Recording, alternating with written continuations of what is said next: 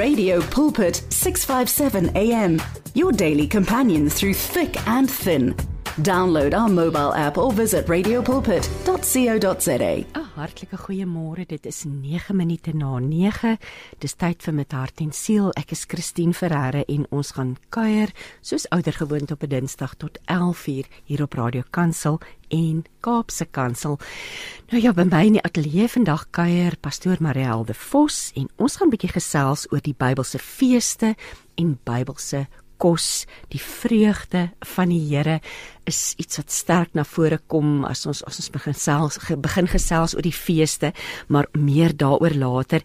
En so teen die einde van die program gaan Dominee Hendrik van Deventer van die Vida gemeente in Linden in Johannesburg ook 'n boodskap deel oor vrede en vreugde te midde van swaar kry. En ons sluit ons program af met 'n stilte tyd meditasie deur Melanie Vosloo. So bly gerus ingeskakel vir sielskos en inspirasie. Ek wil graag vir ons lees uit Psalm 4 ek wag dat ek net eers sê wie het gesing, dat ek net vir ons sê dit was um Love Revolution wat Heaven's Anthem vir ons gesing het. Nou ons kyk na Psalm 34, die bekende uh, skrif uit vers 9. Nou in die boodskap lees dit as volg: Julle moet self kom ervaar hoe goed die Here is. Jy is baie gelukkig as jy van die Here afhanklik is om jou op te pas. En dan in die 53 vertaling sê dit: Smaak en sien dat die Here goed is. Welgeluksalig is die man wat by hom skuil. Môre Mariel, baie baie welkom in die ateljee. Dankie Christine. Jy's jy's ook al 'n ou bekende hier en ek dink dit was eintlik 'n redelike rukkie terug wat jy laas by ons in die ateljee gekuier het. Jo, ons is deur pandemies en allerlei dinge. Welkom vir oggend. Baie dankie.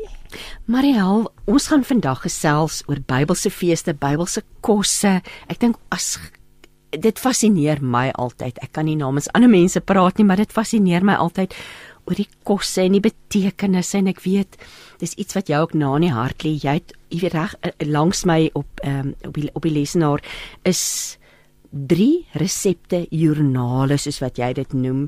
Jy noem dit a taste of heaven. Ehm um, ja, die eerste een was al in somer 2019 gepubliseer. Nee, lente 2018, toe was daar somer 2019 en dan die laaste ene.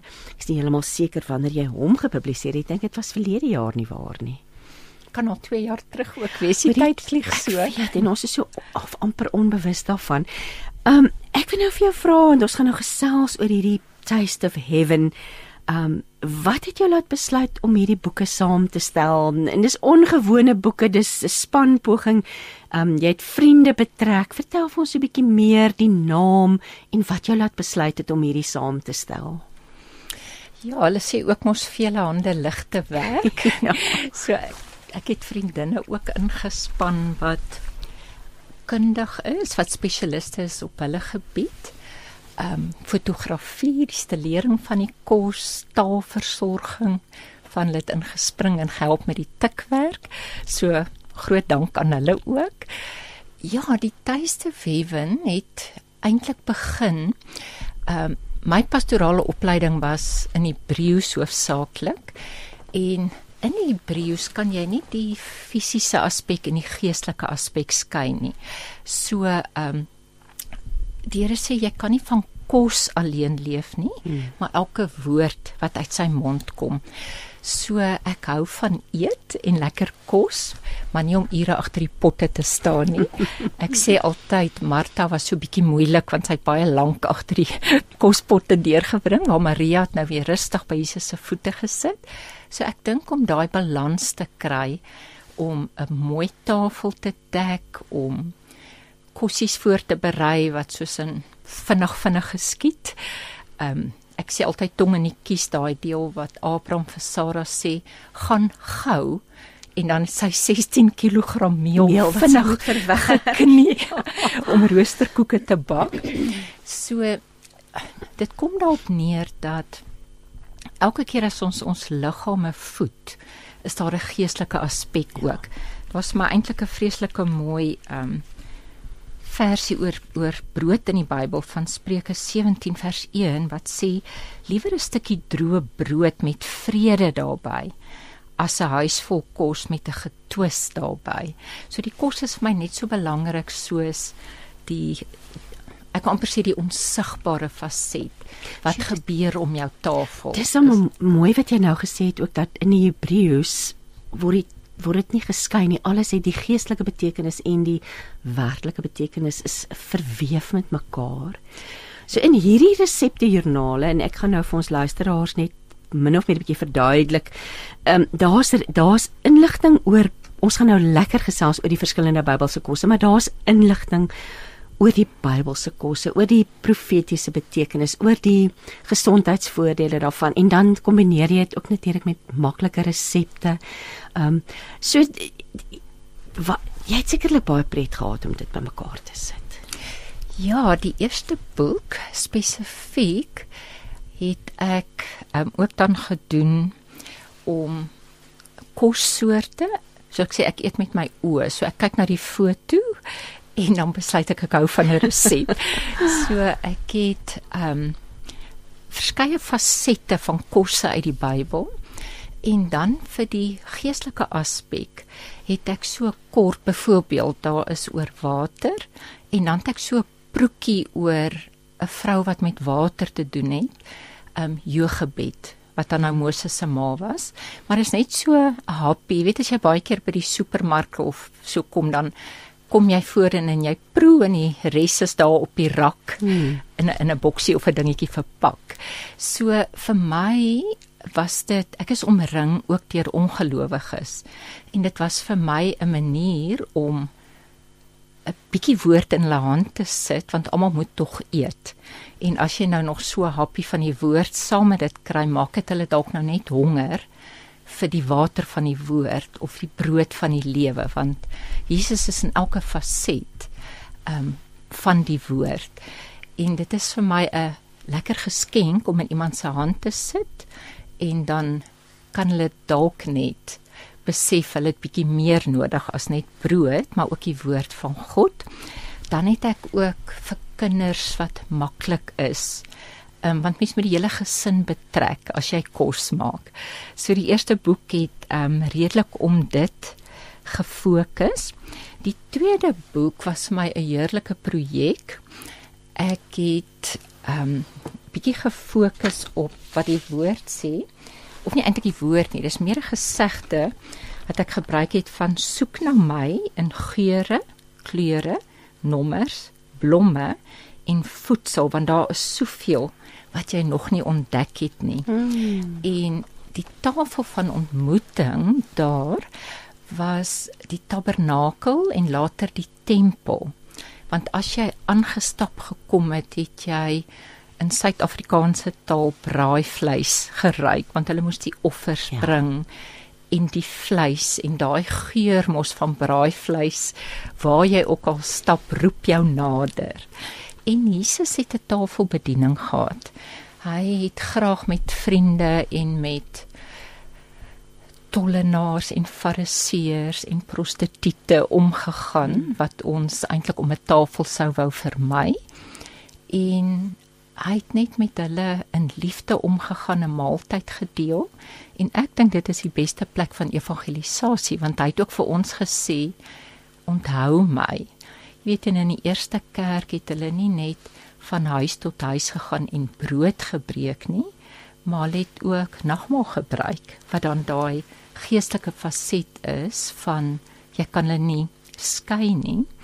So jy dan aangekom en jy die heerlike vleis geruik. Daar was wierook wat jy kon ruik. Wat ook gebruik is om die stank van sekere dele wat verbrand word bietjie beter, maar daai wierook wat hulle fisies gebrand het, het ook die gebede hmm. van die gelowiges voorgestel. Ehm um, ja, want daar word ek een van die goed wat jy ook oorskryf is geur en hoe ons geur wat met kos geassosieer word wat ook die woord dit kom reg deur die woord voor dat daar oor geur gepraat word net soos jy reg sê ons gebede wat soos geur ons met die soet geur van Christus versprei ja dit sê daardeur ons voor die geur van Christus soos 'n lieflike aroma versprei en Ek dink daar's min goed wat my so nader lok as die geur van koffie. As jy so mm. verbystap by 'n koffiewinkel, vars brood wat uit die oondtyd kom. Um, natuurlike braaivleisie as jy honger mm. is. En interessant, een van die geure wat mense nie eintlik besef in die woord nie, is dit van kruie. As jy nou maar so in jou tuin deurstap en jy vat so aan lavendel of roosmaryn of en hulle het intedeel ehm um, het hulle kruie ook as eersteling offers gebring na die tabernakel of die tempel. Hulle praat van kimen, ehm um, kumyn. Ja dol ment as jy so oor hulle stap en dit is my ook simbolies daai van baie keer trap mense op ons want jy moet hom amper knees, beskadig ja. en kneus ja om sy geur na vore te bring.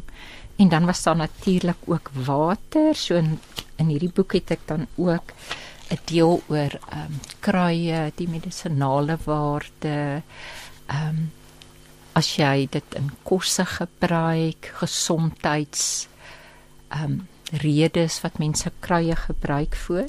En natuurlik dan ook water waar hulle die hande gewas het. So dit is baie oor ehm um, daai detox in ehm um, reiniging. Hmm vas daai tipe dinge wat jy meer op die water begin dieper delf is daar eintlik 'n skatkis van soos jy sê stukkies kennis en geheimenisse wat jy nog nooit ontdek het nie. Dit laat mense 'n bietjie anders na die woord kyk. Ehm um, ek vind nou die naam a taste of heaven. Ehm um, hoe kan ons as gelowiges hemel op aarde beleef? En ek ek wil teruggaan na Psalm 34 waarna jy verwys eh, ook in die boek. Proe en sien smaak en sien dat die Here goed is. Um, na jou mening, hoe kan ons as gelowiges 'n stukkie van hierdie hemelaarde toe bring en en God se teenwoordigheid regtig tasbaar beleef? Ehm um, as ek net weer kan terugverwys na die boeke toe, die tweede projek wat rondom die tafel mense ja. bymekaar gekom. Ehm um, hulle eersteling offers gebring en hulle dan met vreugde het hulle in God se teenwoordigheid. Die tweede boek was nogal 'n projek ook, ehm um, wat ek nege vriendinne gevra het ook om hulle Kersete vir ons in detail resepte gegee. So ek het vir elkeen 'n so chef wiki met sy naam en dit was foodies met drie o's. en die o's het vir my die drie borde, wil ek amper sê, die gange voorgestel. So hulle het saam met hulle gaste het hulle hulle voorgereg, hoofgereg en nagereg. En ons weet tog 'n Kersmaaltyd is altyd vol vreugde en as jy dit nog deel, so ons ek het dit toe laat druk um, in hierdie boekformaat so jy gee en dan ontvang jy sommer 9 by en dit was 'n heerlike vreugdevolle projek. Uh, met die laaste boek het ek ook gefokus dan op die feeste. En die feeste gaan daaromtrent dat hulle hulle eersteling offers gebring het um van die gars en die koring en al die vrugte wat ons sal bespreek. En hulle het dan fees gevier saam met saam met Vader. So daar's 'n interessante deel uit Nehemia wat ons vreeslik baie aanhaal en eintlik nie sy konteks verstaan nie. Die Engels sê the joy of the Lord is our strength. Um so God se vreugde gee vir ons dan weer krag en die hoop om aan te gaan en ek dink baie van ons het dit nodig so, want ja. alles om ons is so neerdrukkend en in Nehemia is die konteks eintlik baie interessant want ehm um, Nehemia het besluit om die mure van die stad Jerusalem te herbou. En hy het geween eintlik toe hy sien in watter toestand die mure was want in daai dae het 'n stad se mure die krag ehm um, van sy God voorgestel. En omdat God se eer in die naam was ag in in die drang was het hy uit regtig geween daaroor omdat sy God so wan voorgestel was. En hulle die vyande van buite gehad wat hom ontmoedig het en gesê ag as 'n jakkals teen die muur spring sal hy omval? En dan het hy die vyande van binne die mure gehad. En dit is sy eie mense wat ag hulle het die armes vertrap en kinders as slawe gebruik en eintlik goed wat ons almal baie diep hartseer maak. En toe het Esra vir hulle die wet weer voorgeles en hulle het um hulle diep bedroef geword en geween omdat hulle besef het hoe ver hulle van God se woord afleef. En daai deeltjie dan wat kom, wys hy hulle dan daarop dat daar so Spreuke sê daar's 'n tyd om te huil en 'n tyd om te lag. Um ween oor jou sonde en baie doen dit deur vas en gebed en verootmoediging. Maar dit was op die drempel van die fees van Tabernakels wat ons ook weet in September begin hierdie jaar. En jy kan nie fees vier sonder vreugde nie. En dit is hoekom daai vreugde jou weer opbou en versterk en bekragtig weer. En omdat hulle die fees moet vier, het hy vir hulle gesê, maar dit is nou tyd vir vreugde en ek dink ons vreugde en vrede word geweldig gesteel deur alles om ons hmm. en die swaar kry van die lewe. Ook interessant wat jy genoem het, daar was vyande aan die buitekant, vyande aan die binnekant. So is ook vanuit onsself nê wat ons ons ons beroof onsself eintlik ook van vreugde op op op, op baie maniere. So ja, ek dink so want ons fokus ek dink baie makliker op dit wat ons nie het nie as dit wat ons het en die oomblik wat jy begin dankie sê vir alles wat ons het. Ehm um, dit is fisies dat ons geseën word met alles wat warm is van kos, klere, hmm. voertuig, huis, al daai dinge wat nie gegeewe is nie, dit is 'n voorreg. En dan ook emosioneel en geestelik dat ons sy woord vrylik kan verkondig en dat hy sy Heilige Gees vir ons kom gee het om ons te lei en te rig en by te staan waar ons tog so tekort skiet om buite ons eie beperkings ook in die geeste mensie te kan funksioneer. So ja, ek dink ons is soms ons eie grootste vyand. Ja dis deel wat jy deel van hierdie hele benadering van jou of wat jy koppel aan die Hebreëse gebruike in die taal is dat ons die geestelike dimensie en die fisiese dimensie en dis wat dit so interessant maak en Mariel is dit nie 'n manier 'n lekker tasbare manier ek weet die profetiese speel 'n groot rol vir jou 'n lekker tasbare manier om te sê maar ek dek my tafel met al hierdie dinge in gedagte Maar hoe interessant oor Nehemia dat die konteks is die feeste het aangekom. Hulle moes eintlik 'n hartsverandering ondergaan nie waar nie, nê. Ja, en ek dink fokus op hoe bevoorreg hulle is. Hmm. Ek dink ons kan baie keer kibbel oor 'n tiende. Is dit nou voorbelasting na belasting hoe ook al. Maar as hulle fees toe gekom het met hulle eersteling offers.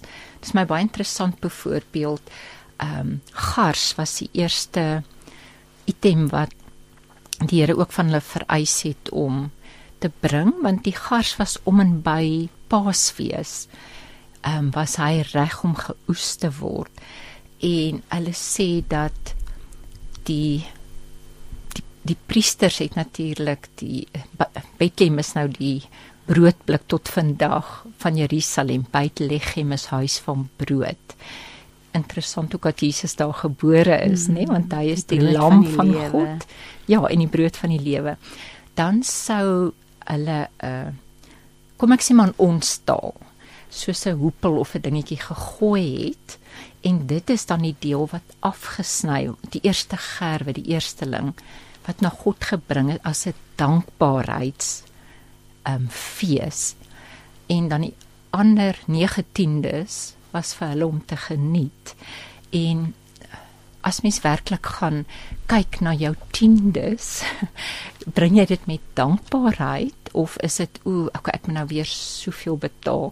Want as mens werklik gaan kyk, het hulle die dankoffer, hulle het spesiale offers, die um, hoeke van die lande was nie geoes nie want dit was vir die armes, die weduwees. So jy het belasting implikasies. So jy kan nie werklik sê net hierdie is my tiende nie want Vader verwag tog dat ons uit ons oorvloed ook bietjie die sê nou maar die hmm. kar wag wat jou kar oppas vir hom 'n geldjie gee dat hy darm 'n brood kan koop. Mm. So as jy vir hom 'n R5 gee, wat koop hy daarmee? Ja. Maar dit is interessant, jy weet jy skryf in die boek dat gars was uiters kosbaar in die antieke koninkryke en dit is selfs as 'n betaalmiddel gebruik en dat boere het hulle skuld en hulle belasting met garskorrels vereffen. Um die garsbrode van Bybelse tye het natuurlik anders gelyk as as die graanbrode nie. So dis dit en wat en en is daar 'n vermoede dat die wonderwerk van die vyf brode of die van die ja, van die vyf broodjies nie twee visse was dit garsbroodjies sou jy reken? Of is daar is daar navorsing wat iets vir ons daaroor sê? Ja, jou garsbroodjies eerstens was van 'n grower tekstuur ook en dan dink ek ehm um, as jy teruggaan na die gars toe, somme net alles begin by 'n saadjie, nê? 'n mm. 'n korreltjie. So hulle dan ook van die paastyd wat die gars ryp was, sou hulle dan 50 van hierdie gra uh, ja, die die gars korreltjies korreltjies of saadjies sou hulle elke dag enetjie aftel. Ehm um, hulle praat van counting the omer tot die 50ste dag wat Penti, soos Pentekost wat ons dan nou sal sê, um, Pinkster afgetel want dan eers is die koring ryp.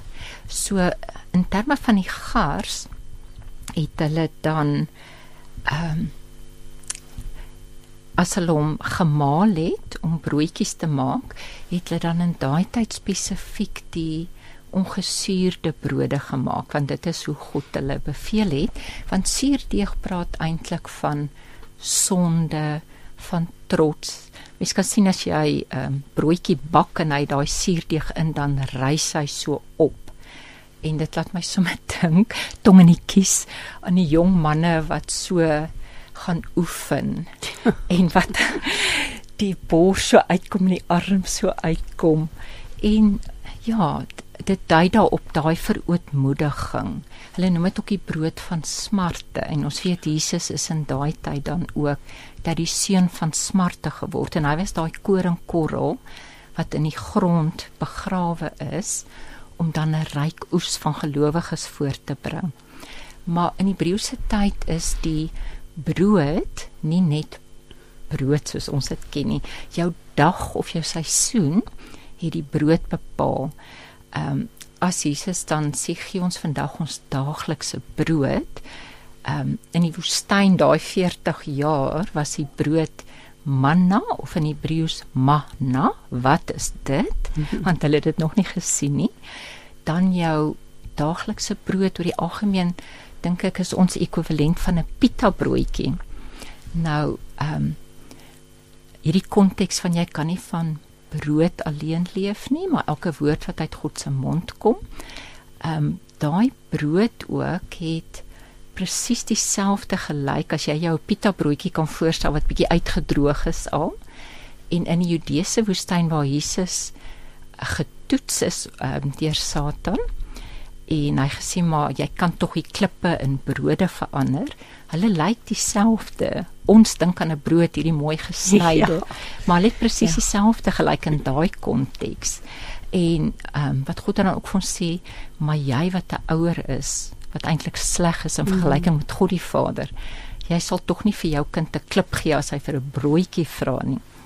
So dan het jy ja, die pita broodjie. Interessant in die Chinese Bybel praat hulle van die reis van die lewe want brood is die mees ja. algemene um ding wat mense maar in daai tyd en baie vandag ook eet en dan kom jy by jou broodjie wat die Jode elke week vir die Sabbat sal eet. Hulle noem dit 'n kitke of 'n galla broodjie en jy sal hom baie in die winkels sien, dis so gevlegte broodjie wat jy op 'n Vrydag te koop mm. kry. En die mooi beeld, die visuele beeld daarvan is dat ek dan met my arms gevou is want jy moet 6 dae werk en dan rus jy die 7de dag. Hulle sal dan ook twee broodjies hê om voor te stel die die oorvloed dat God sorg, maar ook dat jy eendag rus jy bak nie brood nie. Jy geniet net die vrug van jou arbeid wat jy reeds gehad het. Dis nou vir baie interessant. Ek het nooit besef die gevlegte die uh vorm van hierdie broodjie verwys ook dan dat 'n mens moet rus nie, nê? En in ja. die die ritueel van die van die Sabbat op 'n Vrydag aand, ja. daai brood word mos opgelig geoffer eintlik aan God aan God ja. ja. Ekskuus ek wou nog bygevoeg jy het gevra van die garsbroodjies. Ja, ja. Daar was baie oor die gars geskryf in die Bybel. Ehm um, baie interessant vir my uit die Ou Testament uh, verwys dit na garsbrode en dit is daai beeld wat van Gideon en rigters wat hulle moes teen die Midianiete beklei en hy was ook maar net mens. Hy was baie benoud geweest want hulle was ehm um, ek dink meeste van daai volke was maar baie barbaars geweest ook. En oorlog was nie 'n grappie nie. Hmm. en hulle het toe die Here hom geneem een aand na die kamp van die Midianiete toe en hy het vir hom ge, ge of laat hoor um, dat een van die Midianiete 'n droom wat hy gehad het aan 'n vriend gedeel het met hom gedeel het en dit was 'n droom van hierdie garsbroodjie wat gekom het en gerol het in hulle kamp in en al hulle tente plat geslaan het en hoe God vir hom gewys het dat hy namens hulle veg en ons weet Jesus is die brood van die lewe. So ook in ons gevegte wat ons het want ons weet ons stryd is nie met vlees en bloed nie. Dis in die geeste mense teen magte en gesagte en hmm. al dies meer. So in die Ou Testament het die garsbroodjie al 'n groot rol gespeel.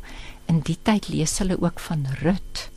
Ehm um, hierdie boek van Rut en dan hoe sy dan nou ook guns gehad het en dan in die Nuwe Testament ehm um, was dit dan ook sy vyf klein garsbroodjies wat seker maar soos ons broodrolletjies is want hy's 'n klein seentjie en die twee visse wat hy gedeel het hmm. en hoe God dan daai ehm um, 5000 en per ander geleentheid 4000 gevoed het met die min en weer eens die dankbaarheid ja. want hy het dit na God sy Vader gelig hom gedank vir die brood en toe die wonderwerk plaasgevind. So dit sluit my weer aan by ons vreugde wat saam met dank gaan. Kom ons luister na musiekie na die breek. Jy verwys, gaan ons gesels jy verwys ook in Deuteronomium 8 vers 8 na die sewe spesies wat Israel as dankoffers aan God gebring het. Baie interessant. Ons gaan daaroor gesels na die breek, maar kom ons luister na Rachel Grant wat vir ons gaan sing. U is sterker. Een visie, een stem, een boodskap. Radiokansel 657 AM en 729 Kaapse Kansel maak impak op lewens van Gauteng tot in die Kaap. Jy luister aan met hart en siel. Ek's Christine Ferreira by my in die ateljee kuier Marielde Vos en hier is 'n boodskap van Annetjie wat onmiddellik vra sy sê goeiemôre Christine. Is jou hele program vandag op kos op potgooi beskikbaar? Dis so kosbaar en ons leer saam. Geseënde dag ons geniet dit altyd. Annetjie verseker gaan dit as 'n potgooi beskikbaar wees die volle program.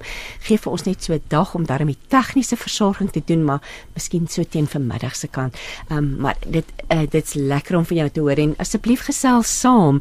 Ek wil nou vir ons lees uit Deuteronomium 8 vers 8 met Mariel hierdie boek van jou is eintlik die laaste boek is gebaseer op hierdie sewe spesies. En hoor net wat staan in in Deuteronomium um, 8 vanaf vers 7 want die Here jou God bring jou in 'n goeie land 'n land van waterstrome fonteine en onderaardse riviere wat in die laagtes en op die berge uitkom. 'n land van koring en gars en wingerdstokke en vyebome en granate, 'n land van olieryke olyfbome en heuning, 'n land waarin jy brood sonder skaarste sal eet, waarin niks jou sal ontbreek nie, 'n land waarvan die klippe yster is en uit die berge waarvan jy sal koper uitkap. En jy sal eet en versadig word en die Here jou God loof oor die goeie land wat hy jou gegee het.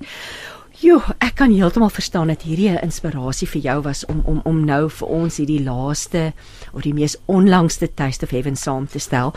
Die feeste, die dankoffers. Kom ons kom ons praat net weer 'n bietjie verder oor want daar moet tog betekenis daarin lê vir ons as gelowiges vandag. Um, ons ons lees ons Bybel, ons ken ons Ou Testament, ons beweeg oor in die Nuwe Testament, maar veral in die Ou Testament het hierdie feeste 'n groot rol gespeel. Wat wat wil jy vir ons daaroor vertel vanoggend? Ek dink die feeste was plekke om God te ontmoet. Ja, ja. As dit waar aan sy tafel aan te sit. So Paasfees is dan eintlik waar ons ons redding en ja. wedergeboorte herdenk. Ehm um, wat Jesus dan ook soos ons gesê die lam van God en die brood en dit het hy by die nagmaaltafel ingestel en gesê dis so ek wil hê julle moet my onthou. Dis my liggaam. Dis my bloed. Ehm um, persoonlik, dis net my opinie. Ehm um, Vader het my oortuig om elke dag soos wat ek my liggaam fisies voed, moet ek ook my gees voed. So ek gebruik daagliks nagmaal mm -hmm. en ek weet dis 'n baie kontroversiële onderwerp, maar ek dink jy moet doen soos wat Vader jou oortuig. Dan gaan jy aan na die Pinkstertyd en dit is eintlik dan die vuur die Heilige Gees. So jy word weergebore, jy word gedoop in God se Heilige Gees om dan ook in die geesdimensie saam met die fisiese dimensie te kan funksioneer. En dan as ons by die derde fees, die fees van Tabernakels, wat dan ook die Joodse nuwe jaar Rosh Hashanah wat ons gesê het volgende maand begin. Ehm um, wat hulle dan die vyf tipes vrugte as offer gebring het. So vir my is dit dan dat ons dan sal ook die vrug van die Heilige Gees dra. Ehm um, wat weer begin by liefde, vreugde, vrede wat ons oor gepraat het. Dis geduld, goedhartigheid, getrouheid, vriendelikheid, nederigheid en dan selfbeheersing. Nie almal om ons probeer beheer nie, maar selfbeheersing. Vir alles wat by die kosse en die dinge kom. En ja, ek voel dit is die toepassing daarvan. Dis sommer interessant dat daar ook verwys word na die vrug van die gees. Dis so goue draad, die ja. kosse.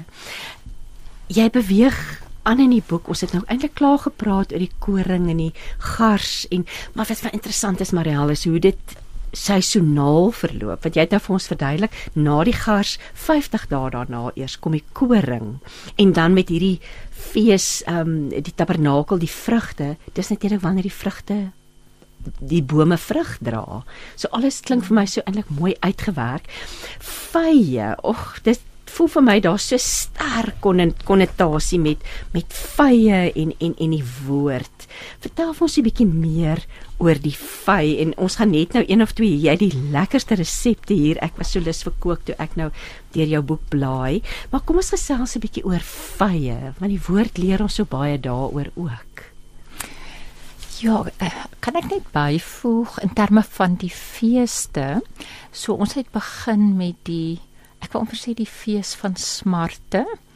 En as ons aansit by sy tafel, dan kyk ons ook 'n blikkie in die toekoms in dat ons na die bruilofsfees van die lam gaan en daai absolute oorvloed van God se tafel.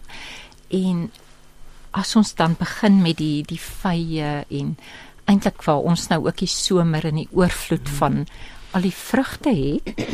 Ehm um, vye is een van my vrugbaarste, lekkerste vruggies om te geniet want hy het al hierdie vreeslik baie blommetjies aan die binnekant. Ehm um, 'n vy is eintlik nie 'n blom of 'n vrug nie want hy's beide. En interessant genoeg sommer op 'n geestelike vlak, ehm um, voordat ek na die geskiedenis en die dinge van die vye kyk, is dat jy kry klein bytjies wat in die vy ingaan om hom te bevrug en sy blommetjies sit dan in die binnekant nie soos die meeste vrugte wat in die buitekant is nie. En vir my is daai klein perdebytjies bytjies soos dit wat hier binne kom om jou vrede en vreugde te steel jou toetse jou beproewinge en dan dink ek altyd as ek 'n vy eet mag ek van binnekant af blom. Mag oh, al hierdie ehm um, versoekings, beproewings, alles wat ons deurgaan, ehm um, mag ons vrugbaar wees en nie net besig in ons lewens nie, want dit is baie maklik om vir niks tyd te hê nie. Maar werklik vrugbaarheid is weer vir my daai toedeel van die blommetjie dat ek in God se teenwoordigheid in daai nodige intimiteit sal sit en dan sal blom soos wat ek in hom groei en dan vrug dra. So om die vye dan ehm um, na toe terug te gaan. Uh jou Hebreëse woord sigma of Grieks sikomore beweeg be, dit verwys dan in die oorspronklike skrif meer na die wilde vy um, of die Egiptiese vy. Ons dink nou maar aan ou Saggeus wat daar bo in die boom gaan sit het om beter te sien. Maar ehm um, naas die eerste twee bome, ehm um, die boom van die is eintlik Etschaim lewens want ons het hier 'n lewe en 'n oorvloedige hiernamaals lewe en dan het ons die boom van die kennis van goed en kwaad is die vrye boom die eerste ene wat genoem word en daar's omtrent so 750 ficus spesies waarvan hierdie wilde vy dan die bekendste is en hy verskil dan ook van die vy wat ons ken want hy is immergroen. Hy kan tot so 12 meter hoog groei met 'n omtrek van so 6 meter, maar hy's minder waardig in vergelyking met die gewone vy. Nou bronne sê vir ons dat Adam en Eva nie eintlik 'n appel geëet het nie, omdat hulle hierdie vye blare moes gebruik want hierdie blare word so meter lank, moes hulle dit gebruik om hulle naaktheid te be, bedek. Ehm um, en hulle reken dan ook dit is die vy wat hulle geëet het en omdat hulle dit gedoen het en toe naak was, toe moes hulle hulle self dan met sy blare bedek. So baie tong in die kies. Ons het nou so 'n bietjie na die Chinese Bybel verwys van die reis hmm. van die lewe. Ehm um, hoe weet jy dat Adam en Eva nie Chinese was nie en geen skus as daar Chinese mense luister, dis maar blote grappie.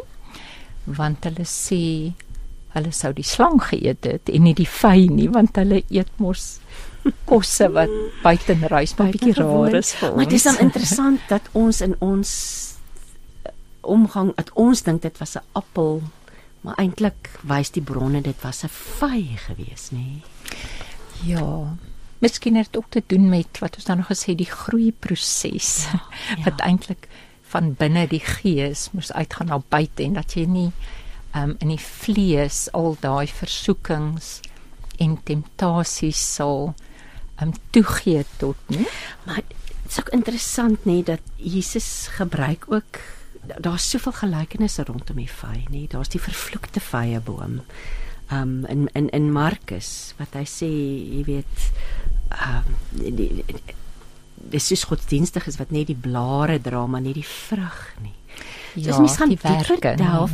Ehm um, jy verskryf ook vir ons en jy vertel in 2 Konings 22 vers 70 waar Jesaja koning Hiskia adviseer om 'n vye koek op sy sweer te sit vir genesing. So is kom ook praktiese raad by nie. Ja, wat mens nie ja. in in ek weet as aan 'n spreek as jy te veel heuning eet gaan jy naar word.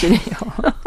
ja. Kom ek wil nou die vyf verder. Jo, dit is so sterk mediterrane ehm um, uh, uh, bestanddeel.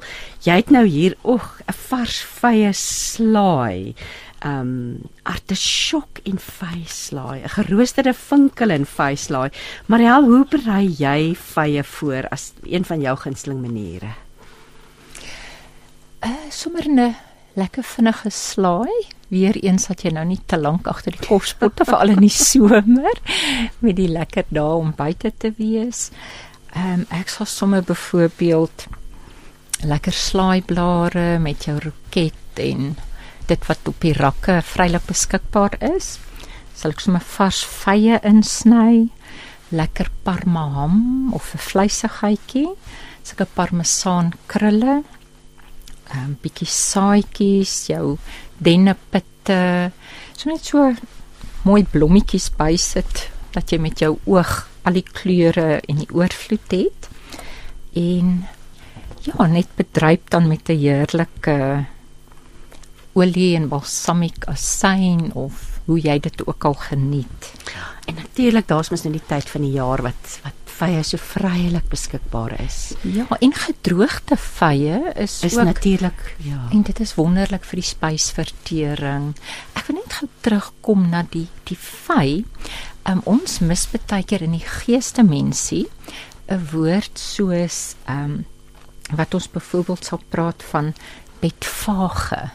So in Hebreëus byt wat ons sê bed beteken altyd 'n huis in Hebreëus en dan daai vage pak is Hebreëus en dit beteken die huis van onryp vye of ja en dan jou ryp feite na maar ekskuus ek wil net sê daai die onryp vy die pak dieselfde woord is ook 'n prematuur baba.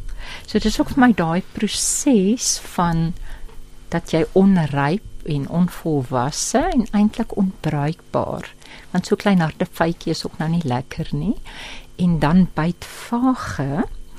Ag ekskuus Betanie is dan te na by die byt is dan die huis van ryp vye. En ek dink ons kan hom ook geniet as hy so vol en sappig is as jy hom sny behalwe nou daai wonderlike jolvye konfyt wat mense so kry wat ehm um, eintlik dan maar ook 'n ryp vytjie is wat 'n mens dan in 'n soet vorm of jy kan hulle gedroog en hulle het so ehm um, eintlik baie gebruike en as ek net kan noem hulle is vetvry, natriumvry, cholesterolvry, hulle het 'n hoër hoeveelheid vesel as enige ander droë of vars vrugte en is baie ryk aan kalsium en yster, aan jou fosfor, potasium en hulle die hoogste mineraalinhoud van die meeste ander ehm um, vrugte.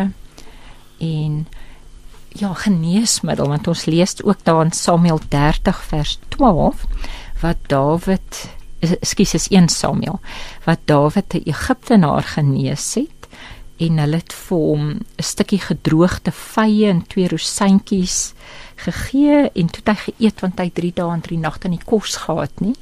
En dit het hom verkoop. En mens weet ook as jy daai heerlike vrug eet jou bloedsuikervlakke is sommer reg en weet jy Mariel, ek dink ook onmiddellik aan Habakuk die skrif al sou die vrye boom nie bot nie. En ons is nou weer terug. Nogtans sal ek jubel. So ons is weer terug by die ja. vreugde en die dankbaarheid nê absoluut ja want dit is vir ons maklik om die Here te loof en prys as dit goed gaan maar dit is daai offer van lof om te sê nogtans dit gaan nie goed nie ek kies om die Here te loof en prys en dan te fokus op sy goedheid en sy guns en sy genade in ons lewens. Jo, mens kry sommer weer lus om so 'n Bybelse tafel aan te hou. In 'n stadium was dit vreeslik gewild dat mense so Bybelse etes gehou het by hulle gemeentes. Mens kry sommer lus om weer so Bybelse tafel te dek. Want elkeen van hierdie vrugte het spesiale betekenis en dit kan net weer help om ons geloof te versterk, nê? Nee. Dit is so en mens kan ook seisoonaal as dit Paasfees is. Ja. Sit vir jou van die ongesuurde brood druiwe tros, heuning, ehm um, alles wat met jou feeste gepaard gaan, kan jy dan ook vir jou 'n tafel dek as 'n visuele herinnering van die Paasfees met die ongesuurde brood of nou tydens die feeste. Ehm um, hier waar die vrugte is pertinent dan ehm um, soos hulle sê Rosh Hashanah. Dit is die hoof van die nuwe jaar. Dis dan nuwe jaar wat begin dat jy dan ook die faset het van die fees van die trompette um, wat op sigself baie simboliek het van as die trompet blaas gaan Jesus kom. Dis 'n herinneringsteken. Mens kan hier net oor die oor die um, trompette praat, die shofar en jou ander horings en jou silwer trompette en dit is maak gereed dan ook vir die fees en dan het hulle die na 10 dae ehm um, wat hulle hulle verootmoedig daardie dag voor God Yom Kippur in Hebreëus en dan gaan jy week later vir 'n weeklange fees wat eintlik uit 8 dae bestaan wat jy dan die tabernakelfees en dit is eintlik ehm um, om te herinner dat ons nie permanent hier bly nie want hulle bou wat hulle noem 'n soeka wat so as jy buite as jy erf het buite bou of jy 'n woonstelletjie is sommer net hmm. buitekant op jou klein stoepie wat jy het en dan die palmtakke en jy kan deur dit sien en herinner word dat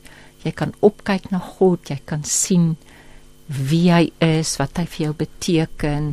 Hulle hang die vruggies um, om jou. Eintlik 'n verskriklike mooi fees, nê? Nee. Baie te herinner die loofhutte. Ja, ja, ja, die ja. loofhutte fees om jou te herinner aan God se oorvloed in ons lewens. Soos jy nou as jy nou praat dink ek by myself daar is net ons moet net oop wees. Ons moet ons oë en ons ore oopmaak en kyk na al hierdie klein tekens veral nou in die lente nie. Ons sien hoe die blaartjies begin bot en al hierdie eintlik fisiese goed wat die Here vir ons gee om ons net te herinner aan sy goedheid. Dis mens net 'n bewussyn het daarvan kan dit mense so verryk in jou geestelike geestelike lewe en natuurlik versterk.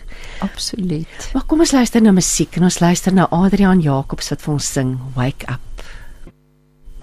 Ja, luister dan met hart en siel ek Christine Ferreira en Annetjie vra waar is Mariel se boeke beskikbaar en wat is die boeke se name? Ehm um, Annetjie die drie, die al drie boeke dieselfde naam, A Taste of Heaven, Resepte Journal, Recipe Journal, hulle is tweetalig en jy kan dit by Mariel direk bestel. Jy kan 'n WhatsApp stuur na 082 902 5574 of 'n e-pos na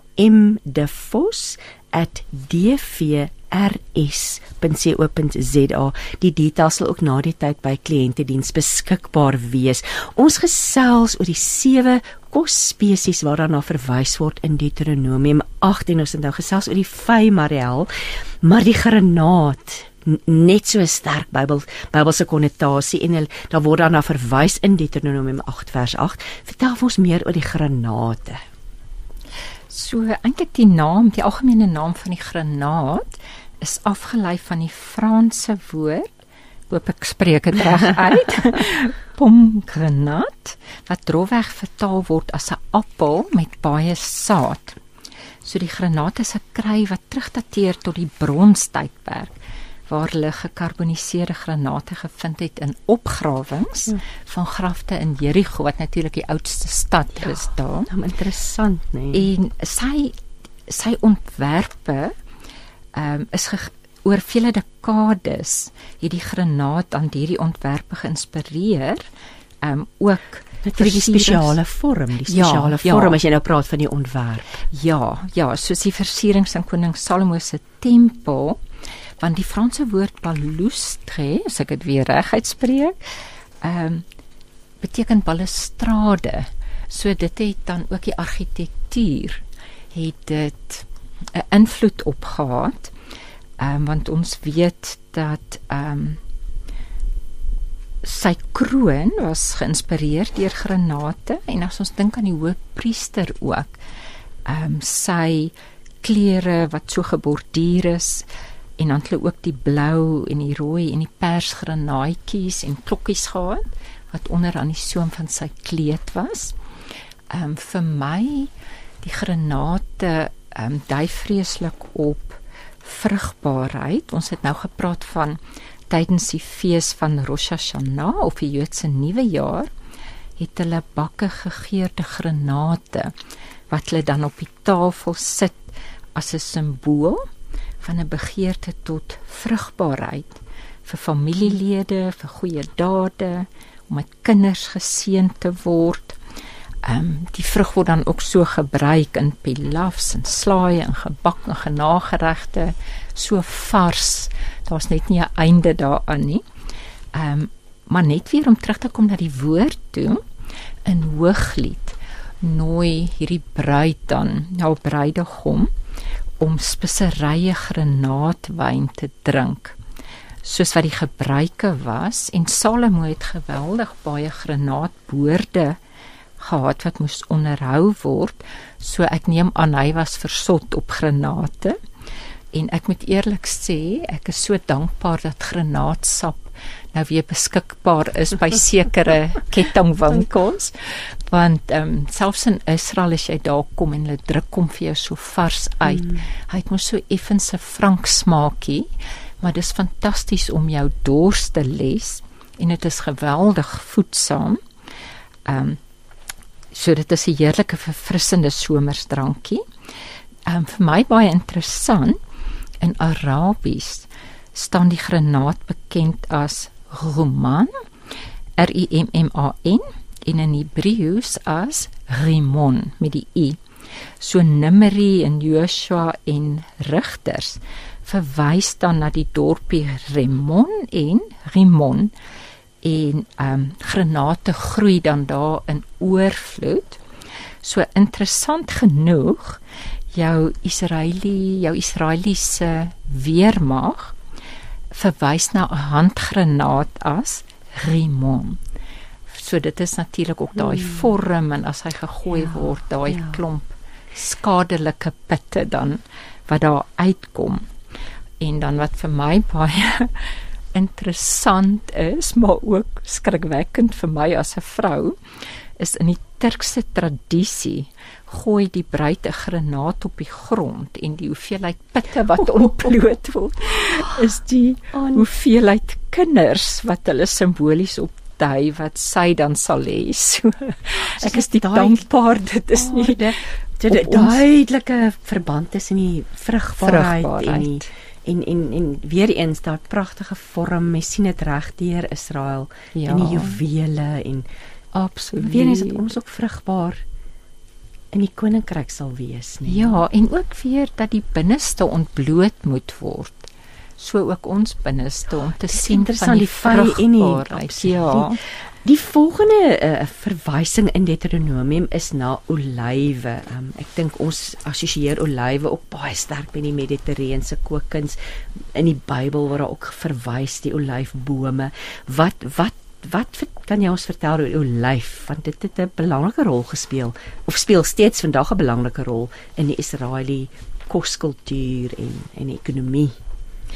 Ja, en ook ehm um, selfs in die antieke tye soos vandag, ehm um, die kulturele en ekonomiese welstand ehm um, leun ook sterk op die olywe. Inteendeel Moses het mans van militêre diens vrygespreek sodat hulle hulle olyfbome kon kultiveer en ons weet dan ook dat olyfbome geweldig oud word. Ehm um, die wat al in Israel was en in die tuin van Getsemane wat letterlik beteken ehm um, die olyfpars, nou is ook 'n antieke olyfpars te te sien daar. Ehm um, het bome wat hulle sê so plus minus 2000 jaar oud is. Vir my die wonderlike van 'n olyfboom is dat jy kan sy stam afsaag en dan gaan jy die klein lote aan die kante van die dooie stomp sien uitsprei en dit is dan natuurlik maar die mooiste beeld van jou kinders sal ook soos olyf ja. boompies takkies aan jou tafel wees aan die oorspronklike tafel die boom ehm um, so olyfbome staan in die Hebreëus bekend as zaid of terwyl blink groen blare en hulle kan so hoog soos 14 meter groei in die ideale omstandighede so 'n olyftakkie het deur die eeue heen vrede gesimboliseer. Dit gaan terug na Noag se tyd wat hy die duif uitgestuur het toe die water begin sak het en toe hy met die olyf takkie in sy bek daar aankom. Ehm um, het hy dit ook gesien as God se vrede dat sy woede gesak het soos wat die water gesak het. En ons weet ehm um, oorsprong uh, van dit is dan ook ehm um, wêreldwyd dat 'n uh, 'n duif met 'n uh, olyftakkie in sy mond hmm. vrede simboliseer. Ehm um, so die klein swart vruggies is eintlik 'n juweel want uit hom kom hierdie peperduur olyfolie en hulle dan ook die vier parsings gehad wat hulle noem. So dit wat ons in die winkel koop as ehm um, ek gaan nou maar die Engels noem, die extra virgin hmm. olive oil cold pressed. Dit is die duurste en die suiwerste een. So dit word sonder enige hitte of meganiese inmenging. Ehm um, so in daai tyd sou hulle sê nou maar 'n baie swaar klip sit op jou sak wat jou olywe in het. Hulle verwyder natuurlik eers die stammetjies en die pitte wat weer gebruik word as voer vir diere. En dan pars hulle hom en dan word hy al hoe meer en meer gepars totdat jy die suiwerste olie uitkry. Ehm um, vir my is dit dan ook simbool van Jesus wat in die tuin van Getsemane was en hoe hy eintlik so gepars was hmm. dat hy bloed gesweet het sodat ons in die oorvloed kan loop dan van die Heilige Gees wat olie ook voorstel as jy hom aangeneem het weergebore is dan kan ons vrugbaar wees deur God se Gees. So dit was na die tempel gebring want die beste, die eerste is altyd na God gebring. In daai tyd was dit dan gebruik in die menorah wat dag en nag moes brand wat die priesters elke dag die olie moes hervul. Ek dink sommer net aan daai wonderwerk van wat hulle herdenk um, wat die olie 8 dae lank gehou het God het die wonderwerk gedoen. Daar was een kruik olie maar hy het dit gerek vir 8 dae. Wat ons ook deur die gees dan daai wonderwerke kan doen. Die ander parsings is dan gebruik vir um, hulle eie olie in die lampies om lig te maak om hulle te reinig so seep en daai tipe dinge. Ehm um, hulle dan ook olie gebruik. Soos ons sê, soos ons dit vandag gebruik. Ook interessant sê Jakobus 3 vers 12 vir ons dat ons ons tong moet bewaak omdat 'n boom vrug dra na sy aard, dan sê dit 'n vye boom kan tog nie olywe dra nie. So weer dat jy dit wat ons sê, ons het net nog gepraat van die geur moet aangenaam wees. Dit moet met sout besprinkel wees dat ons mense sal nader lok deur die vrug wat in ons sigbaar is, ook na sy koninkryk, dat hulle ook graag wil kom eet, proef self en sien dat God goed is. Ja, die jy verwys ook dit is so lekker om na om na jou te luister. Jy verwys ook na die dadel. Dadels bestaan sedert 3000 jaar voor Christus. Ehm um, daar word nie spesifiek na dadels verwys in Deuteronomium nie, maar jy sluit dit ook in in jou boek.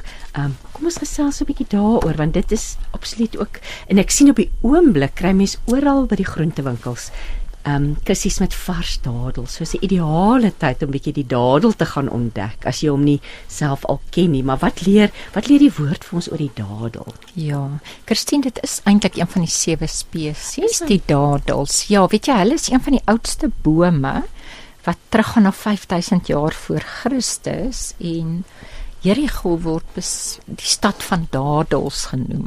So uit aard kry jy heerlike mm. dadels. My persoonlike gunsteling is daai met jewel. Mm. Dadels wat so groot en sappig is. Jy kry natuurlik hierdie gekompakteerdes ook. Ja. Ehm ja. um, wat jy Jerusalem toffies kan noem. ek dink aan daai tyd van die Wilson toffies. Ek dink eers ja. mens kry meer daai nie, maar dit so smaakie. Maar die dadel is een van hierdie wonderlike bome.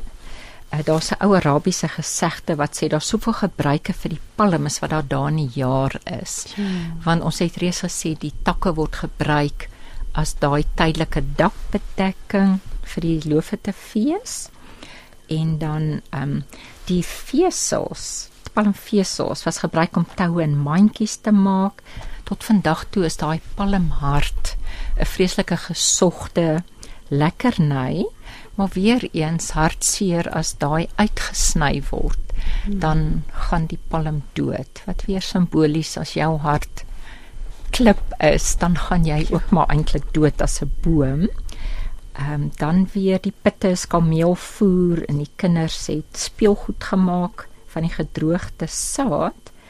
Ehm um, net om terug te gaan ook so 'n bietjie van die geskiedenis is dat op die Joodse munte het kan jy nou nog baie keer sien die dadelpalm, ehm um, die antieke munte en daai keiser Vespasius. Ekskuus, Vespasian was sy naam. Hy het 'n munt laat druk met 'n huilende vrou onder 'n dadelpalm wat gedui het op die oorwinning van Palestina. Maar aan die hmm. ander kant lees ons weer van Deborah wat onder die dadelpalm gesit het as rigter wat God gebruik het. Ehm um, so daar's altyd maar die twee twee kante van 'n muntstuk soos hulle sal sê. En ons weet dan vir my baie belangrik is dat dit ook gebruik was om 'n koning te eer en ons weet ook die bal, bal palm takke knoop my tong tog in Jerusalem. Ja, ja. ja. Kom ons beweeg aan. Ons ek sien ons tyd begin nou min raak en ons eintlik so baie om oor te gesels druiwe. Daar's 'n duidelike verwysing na die wingerdstokke en reg deur die Bybel nê. Nee, word daar oor druiwe gepraat. Jesus is die ware wynstok en ons die lote. So druiwe in die woord, wat leer dit vir ons? Ehm um, ek dink veral is dit die belangrike omdat dit ja. Baie wat Jesus soos jy reg sê hy is die wynstok ons is die lote om vrugbaar te wees. So vir my was dit baie interessant ook as jy kyk vandag na ehm um, Israel se die toerismeburo want hulle is baie sterk op toerisme ook het hulle die gedeelte wat Numeri 1323 wat die storie vers, wat van die 12 verspieders ons ja, ken dit baie ja, goed. Ja. En van hulle weer soos vandag sien die reuse raak en die onmoontlike waar Joshua en Caleb die vrug gesien wat God hulle wil wys en spesifiek het hulle mos dan nou die rank met die een drywe tros en dan het hulle bietjie um, van die granate en vye ook gebring en daai um, simbool van die twee mans wat dan hierdie um, tros wat aan hierdie wing, stok kan ek nou maar sê hang, ja, hang ja. is hulle simbool om want dit is tog die land wat oorloop ja, van die melk ja. en die honing, die land van oorvloed. Maar ook dat ons dit in hom kan hê elke dag. En daar's baie interessante ehm um, so net wat vir my baie openbarend was. Ehm um, dat in Hebron nog het God gaan nooit 'n potensiële oes afsny nie. So daai wynstok, daai rank wat hier op die grond was, het hulle dan 'n rots onder gesit om hom op te lig. En daai woord is A I R O Aero of die lekker sjokolade wat ons kry A E R O Aero. So ek sê altyd as jy bietjie af is en daaronder lê, eet 'n Aerokie, hy lig jou so vinnig op. Maar weer eens, God gaan ons ja. oplig. Hy gaan jou nie afsny of verniel nie, maar gaan jou oplig en dan snoei net om meer vrug te dra. Nie om jou te verniel en die rots wat onder jou is. Dis is ja dat hy kom onder ons in en hy lig ons op dat ons lig en lug kan kry. En jy het natuurlik verwys na die verbondsmaal, die nagmaal, die druiwe direk gekoppel daaraan. Ja, nee absoluut want soos ons net nou gesê het as ons aansit by sy offer dan kyk ons terug na wat hy gedoen het aan die kruis maar ons kyk ook vorentoe want hy nooi ons na sy bruilofsfees toe waar ons weer nagmaal gebruik want as mens die konteks kyk in die Paasfees het hulle die vier bekers die derde ene is wat hulle gebruik vir die nagmaal en dan die vierde ene kyk vorentoe om want Jesus het gesê um, ek gaan julle nie weer sien totdat ek daai beker gebruik ons weet die die konteks is van um, die bruilofsfees van die lam. Baie interessant. Ons ons begin nou so einde se kant te staan, maar jy skryf ook oor die Grenadella in jou boek en dat dit ook volgens oorlewering Christen oorlewing 'n oorlewering 'n Bybelse konnotasie het. Vertel vir ons 'n bietjie meer. Ja, ag, dit is sommer net 'n interessantheid wat hier uit die 15de en 16de eeu kom dat die skerp blare simboliseer die spies waarmee hy deurboor is, die ranke die sweep waarmee hy gegeesel is en dan die 10 blare per blom wat hulle dan sien as die 10 getroue disippels en dan die mooi pers, blou en wit blommetjies dui dan op die hemel en die reinheid. Dit is 'n pragtige beeld. Ons weet almal hoe mooi daai plantjie is. Ja. Ehm um, die van die een van die laaste uh, wat wat genoem word hier in Deuteronomium is natuurlik die heuning. So kom ons gesels oor die heuning en ek weet jy wil graag ietsie oor die sout ook sê.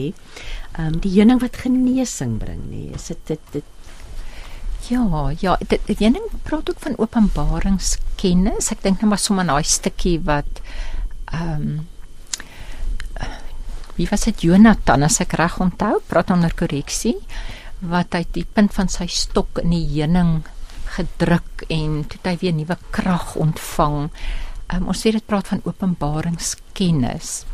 Maar ook deesdae kry ons mos die rou heuning wat antisepties, dit is geweldig genesend, ja. Ehm ja. um, alles dinge om aan te dink. Weet jy, al vat jy net 'n minuut uit jou dag uit om bietjie net oor hierdie goed te dink terwyl jy dit gebruik in die kombuis. Wat is die betekenis daarvan? So ter afsluiting, ehm um, sout. Ek weet dit lê op jou hart om bietjie iets te sê oor die sout want daar's baie verwysings in die woord na sout. Ja, sout was natuurlik by die offers gebring, die graanoffers en dis hoekom as 'n pa nou by die ehm um, Sabbatsmaaltyd die brode sal hy sout daaroor sprinkel. En ag ja, ons weet dat hy sê ons is die sout van die aarde en in daardie tye ons sies tog sy is sout van die aarde. Ons bedoel dit ja. baie keer amper neerhalend. Ja. Ehm um, maar sout in daardie tye was soos wat gars as 'n betaalmiddel gebruik. So jou jou Romeinse soldate is met 'n sout rantsoen betaal. Soos ek vir jou sê jy's die sout van die aarde, hmm. sê ek eintlik groot kom jy die waarde ja. van goud. Ja. So ek is baie bly bly nie in daai tyd nie. My man is baie lief vir sy sout, maar die man sê teenoor hulle kinders en vroue verruil vir sout. so op die onderwerp van die huwelik as ons baie keer sê hierdie persoon is sy sout werd. Die vredesverbond was met sout gesluit.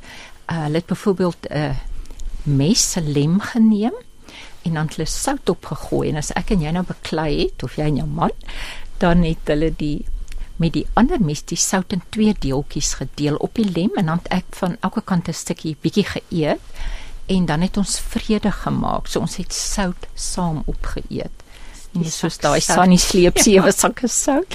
Maar ook as hulle sê van hy is sy sout werk van die Hebreëse saal ag nee Hebreëse skus die Frans um, ehm, Romeinse woord saal is dan sout en salaris salaris of salary is dan jou sout dis jou betaling gewees.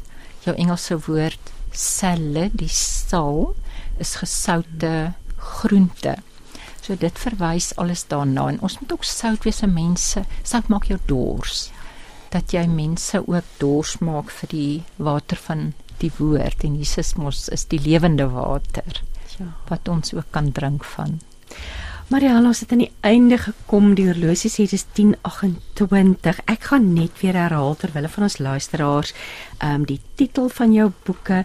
Ehm um, uh, dit is Pastoor Mariel de Vos en die boeke is A Taste of Heaven. Dis drie resepte joernale wat lekker resepte en dan ook natuurlik kennis en inligting oor die Bybelse kosse. Vroue van die Bybel, jy jy jy weef lekker mooi reg deur die drie boeke. Ehm um, jy sê jy het nie meer die eerste een en tweede een. Tweede net jy nie daar soos vir die eerste en die derde uitgawe. As jy belangstel om meer te weet te kom, kan jy vir Mariel 'n uh, WhatsApp stuur na 082 902 5574 of dis M de Vos @dvrs.co.za as jy via e-pos wil kommunikeer. So dankie vir jou tyd vandag. Dit was altyd heerlik, soos altyd heerlik om met jou te gesels. Dan is altyd 'n voorreg om dit te kan doen. Baie dankie vir die geleentheid. So lekker om so van uit 'n ander hoek uit net weer na hierdie goed te kyk, nê. Nee. En dit soos ek sê, dit versterk ons geloof, dit dit dit inspireer. En, en so dankie vir jou tyd vanoggend. Kom ons luister nou na Margriet van Loo wat vir ons gaan sing. O Heer, vergewe my. Een visie, een stem, een boodskap. Radiokansel 657 AM en 729 Kaapse Kansel maak impak op lewens van Gauteng tot in die Kaap. Jy luister nou met hart en siel en nou gaan ek gesels met Dominee Hendrik van Deventer van die Spiksplinter nuwe Vida gemeente in Linden in Johannesburg en Hendrik gaan ook met ons gesels oor vrede en vreugde te midde van swaar kry. Môre Hendrik. Goeiemôre Christine, hoe gaan dit met jou op hierdie dag? Dit gaan uitstekend of soos Wynand altyd sê baie beter stuk verdien. Ehm um, maar dit gaan baie goed Hendrik. Ons het nou hier 'n gesprek gehad ek en Marielde Vos oor die feeste van die Bybel, die kosse van die Bybel en dankbaarheid het so sterk na vore gekom as 'n tema vir die mense van die Bybel uit die uit die Ou Testament, die Nuwe Testament ook vandag. Maar voordat ons nou gaan gesels oor vrede en vreugde te midde van swaar kry, vertel vir ons 'n bietjie meer oor die Vida gemeente, um nuwe gemeente daar in Linden, nê? Nee. Dis 'n nuwe gemeente in Linden um, in Christine met die met die drie woorde die vrede, die vreugde en die swaar kry. Is dit amper 'n gemeente geboorte geskenk met allerlei vreugde en vrede en swaarkry. En ons het gelees in die Bybel, iewers sê die Here in Sagaria in Engels sê hy dit op 'n ander manier, maar ek is vies vir my volk. Nou stuur ek herders wat nie omgee oor die verlorenes nie. Hulle gaan soek nie die jong mense nie. En hulle kyk nie te veel na die wat se harte stikkend is nie, hulle voed ook nie die gesonde mense nie. Ek dink ons hoe uh, hoe lyk gemeentes wat wat werklik 'n hart het vir verlorenes, aktief gaan soek na jong mense, die Gen Z's. Uh kyk na swaar kry en en en wat maak mense met gesonde mense om hulle te bemagtig in bediening. So dit ons hierdie Vida gemeente wat ons veel fokus is om Jesus te ken, om hom bekend te maak en hom sy liefde te lewe. En die woord vida het ook natuurlik spesiale betekenis. Dit is reg, dit beteken lewe en ons sien in Johannes Jesus sê in die begin was die woord daar by God self God en hom was daar lewe. Hmm. En ons sien sonder wanneer gemeente so Jesus het dan staan so 'n uh, 'n uh, lewe om dit. En dit is wat ons glo hy kom bou hier deur ons. Hendrik, voordat ons nou gesels oor die daai drie e, e, elemente, waar kom julle bymekaar? Ons kom op in Pinnacle College in Linden bymekaar op 9:30 op Sondagoggende in Pinnacle College hier in Linden. Hier is dit vir sommer die mooiste plek uitgekap waar ons bymekaar kom en ja, dis 'n dis 'n heerlike geskenk wat hy vir ons afgeneem het. En dit die Pinnacle College is is, is 'n nuwe skool daar in Linden. Dink hy's 'n paar jaar oud. Dit was altyd ek het in Linden groot geword. So ek ken daardie ja. omgewing en in, toe ja. ek op skool was, was dit die kinderhuis gewees. Ek weet nie of jy Ja, en en dis maar nou ook simbolies van die nuwe lewe wat voortspruit op 'n plek waar daar ook maar swaar kry en hartseer was, nê. Nee. Dit is presies so 'n plek waar daar amper ja, soos jy sê, kinderhuis was en dat Jesus sê maar hy neem ons aan as kinders en ons dit is vind in die plek dat ons sy kinders mag word. Ja.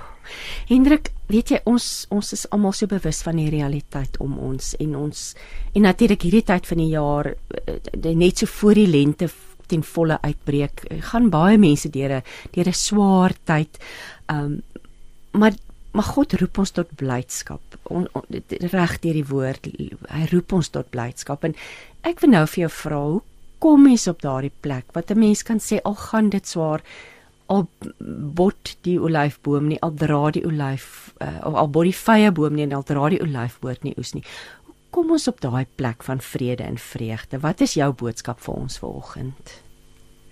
Christine, die die die dans wat ek amper sê van vreugde en vrede en swaar kry is 'n is 'n werklik is 'n is 'n diep Bybelse dans so wat Jesus vir ons beskryf.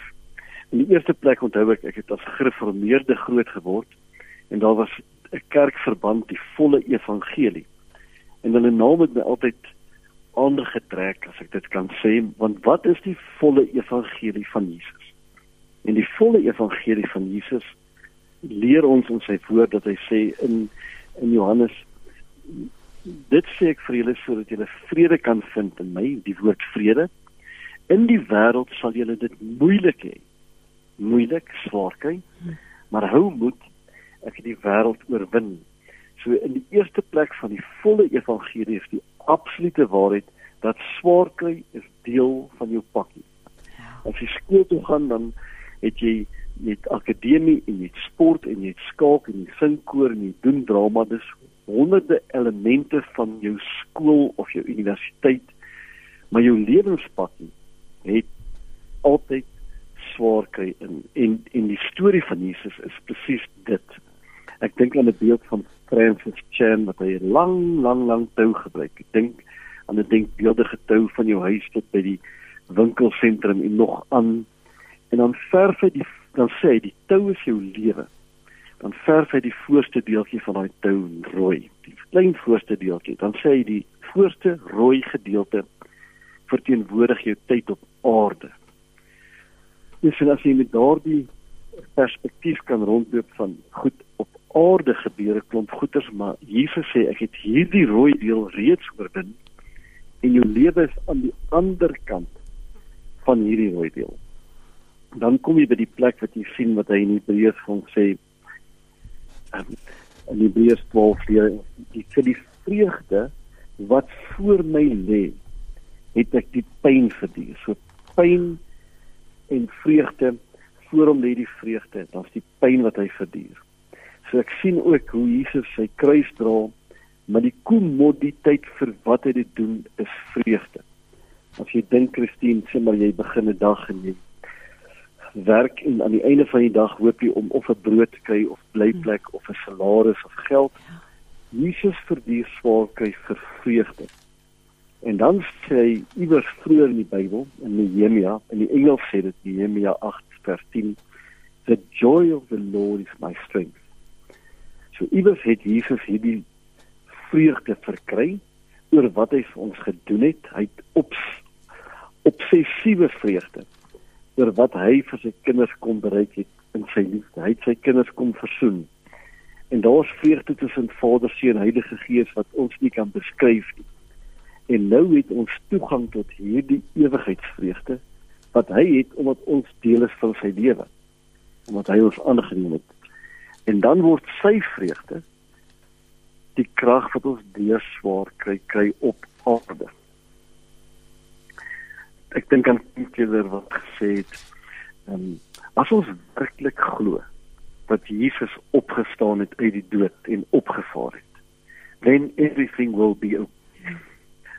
En um, hoe ryk word jou lewe nie wanneer jy hierdie vreugde van hom beleef nie. Ek het geleer, 'n ander leraar het T.D. Jakes het gesê, wanneer jy deur 'n woestyn gaan, dan leer die Here jou woestyn taktieke. So wanneer iemand deur woestyn gaan en hulle kies Jesus, het ek beleef in my lewe dat dit die lekkerste mense is om hier te kuier en te wees. Die wat al swaar kry ondervind het en in diep swaar kry Jesus gaan vind het. Nie noodwendig dat alles dan eenvoudig reg is soos die halwe evangelie nie, maar dat hulle sê te midde van hierdie swaar kry vind ek vreugde. My vrou Marga ry nou die dag af in die straat en daar's twee hawelose mense wat 'n trolly stoot, malle dans en lag en hulle is in die spar en hulle koop en hulle het soveel vreugde sy sê sy kan nie anders as om hulle te vul. wat gaan al mee hulle nie? En hulle begin te borrel oor Jesus. En sy ry huis toe en sy dink en ons reflekteer en sy sê maar hulle het niks nie Hendrik, maar die vreugde borrel in die strate van Linden uit met die twee die die egpaar wat met 'n trolly hulle lewe rond stoot in die straatjies hier in in Linden. En op ons uitreik het ek al oor en oor beleef wanneer mense wat absoluut niks het nie. Hulle kan niks koop nie. Hulle het een plek om vreugde te gaan haal wat ons soek in materiële dinge. Kry hulle dit by Jesus. Dan in hulle swaar kry kry hulle 'n ander vreugde wat nie hulle omstandighede noodwendig net regmaak maar dit word iets wat hulle wat hulle deurdra vir altyd en dan dan dink ek net aan die aan die skrif wat sê wel dan los ek vir julle vrede. So jy kry vreugde, ek kry vrede. Dan sê ek stuur die Heilige Gees. Vrede laat ek julle na sê hy ook in Johannes 14.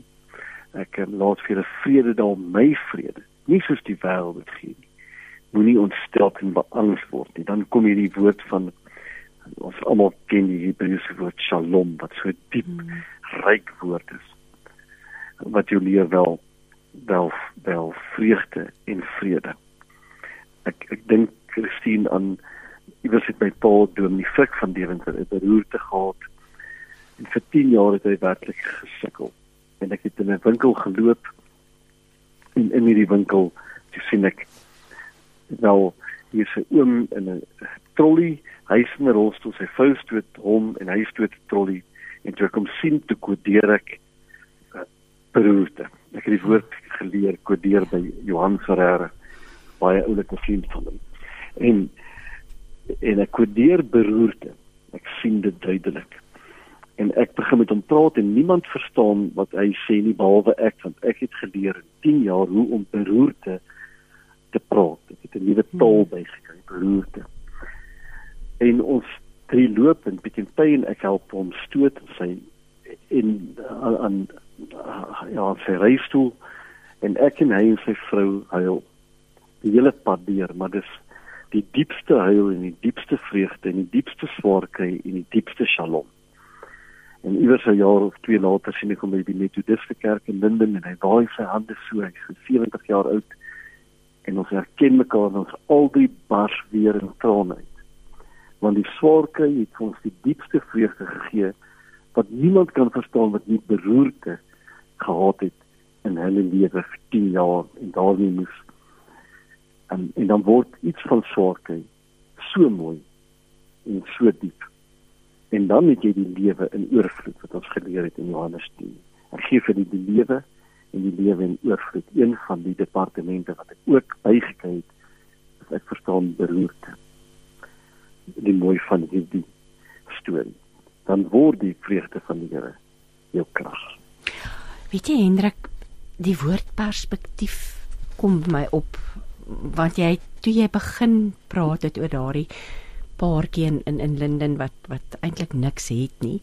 Toe het jy gesê maar hulle fokus net op Jesus. Hulle sien net hom. Dieselfde nou met hierdie verhaal van die van hierdie mooi verhaal van die man met die beroerte.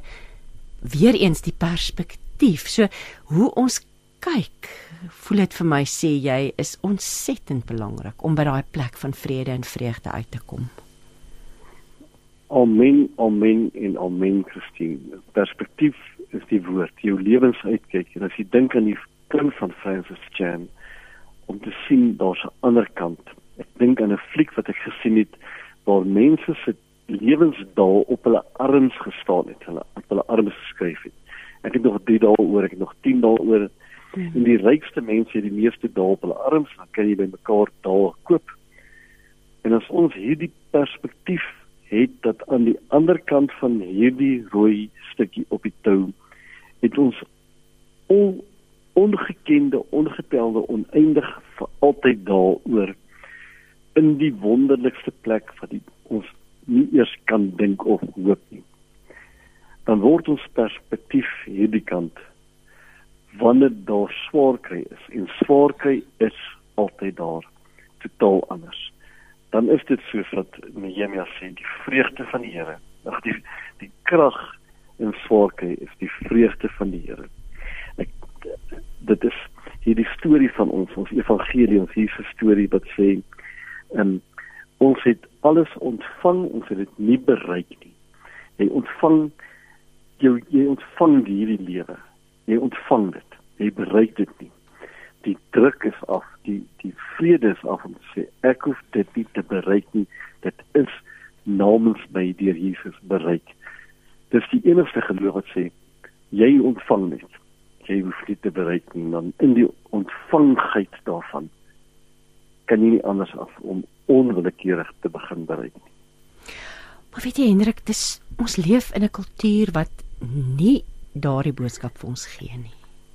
Ons moet ja. ons moet doen, ons moet werk, ons moet en voel dit nie vir jou partykeer jy het met so baie mense te doen en en voel dit nie ons is vasgevang, ons is eintlik gevangenes van hierdie wêreldse kultuur nie. dit is verseker so Christine. Ek het die voorreg gehad om 'n keer op wat groepe te neem na Israel vir spesifiek uitreik want ons het mooi plekke gaan soek. Maar op 'n manier het hierdie Joodse familie van ons 'n tradisie. Hulle hulle hulle het 'n lewensperspektief wat hierdie woord wat jy nou nog gebruik het om te sê wel. Ons begin in die aand van rus en dan begin ons werk. So ons begin uit rus. Dit is aand en dit is môre die eerste dag. So ons begin rus. Ons werk nie en dan rus ons nie. Ons begin wanneer die son sak. Sure dan gaan slaap hulle. Dan staan hulle op, dan begin hulle dag. En hulle lewe begin op 'n Vrydag, Sabbat, wanneer die son sak, dan sê hulle dit is toe ons begin het as 'n volk met net broodjies. Die Here het alles gegee. Ons het nie gewerk nie. Ons begin met kos, genoeg oorvloed kos. En dan gaan slaap ons. En dan staan ons op en dan gaan ons sinagoge toe en ons aanbid die Here. En dan begin ons rustig toe gaan na werk toe. So hulle het 'n hele wêreld beskouing om te sê alles van ons begin met voorsiening en rus. En op 'n manier het ons dit omgetiep en ons sê wel ons het werk om ja. voorsiening te hê, ons het werk en as daai daai die perspektief by ons kan posvat om te sê die Here sê eers het ek vir jou kos gegee, ek het vir jou alles gegee en ek gee eers vir jou rus kom ons kuier eers saam, jy en ek.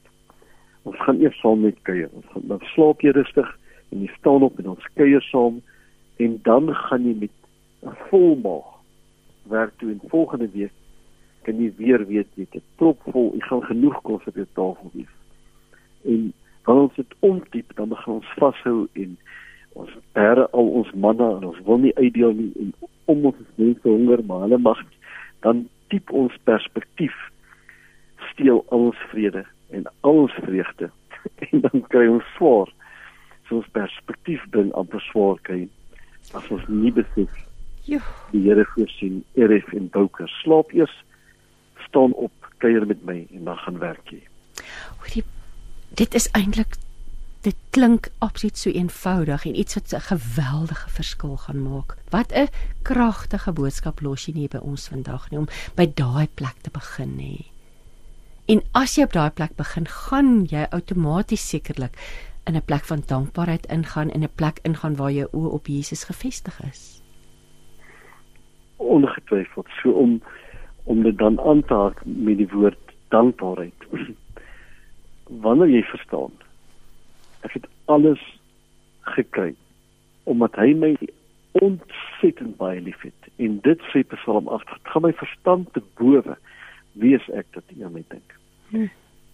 Ek kry alles wat ek onverdiend. Ek kry dit net want my Pa het my so lief.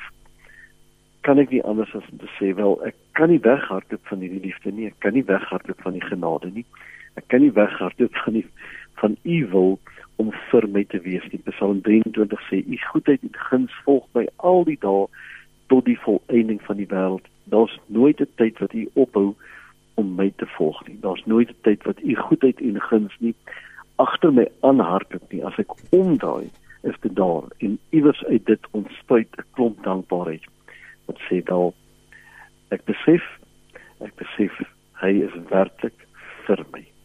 Hy vir my en nie teen my nie. En dan is die vrede en die vreugde joune. Hendrik, ons het aan die einde gekom en ek wil vra, wil jy nie vir ons net afsluit met 'n kort gebed vir oggend nie asseblief? Ek doen dit so graag. Dankie luisteraars dat ons dit kon deel met julle. Jesus mag elkeen wat na hierdie boodskap luister, weet dat ten midde en ten spyte van swaar kry, is u met hulle al die dae dat u elkeen wat diep swaar kry aanraak met u vreugde, u liefde en u vrede dat in die omstandighede is Jesus met jou. En dit maak u is my herder en u is vir my genoeg. Amen. Amen. Hendrik baie baie dankie. Dit het tyd geraak om te groet. Ons gaan luister eh, na Melanie Vosloo wat nou vir ons 'n stilte tyd meditasie gaan gaan bring en ek sê dankie vir DK Magoppe vir die tegniese versorging en luisteraar ons groet tot volgende week. Totsiens en mag die Here jou seën.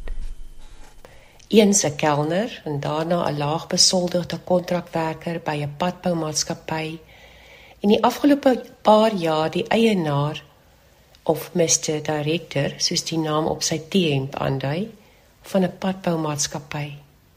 Sy eie onderneming. Terwyl hy en sy mense besig is om ons vervalle plaaspad reg te maak, vra ek hom eendag: "Please, vertel my 'n bietjie jou storie."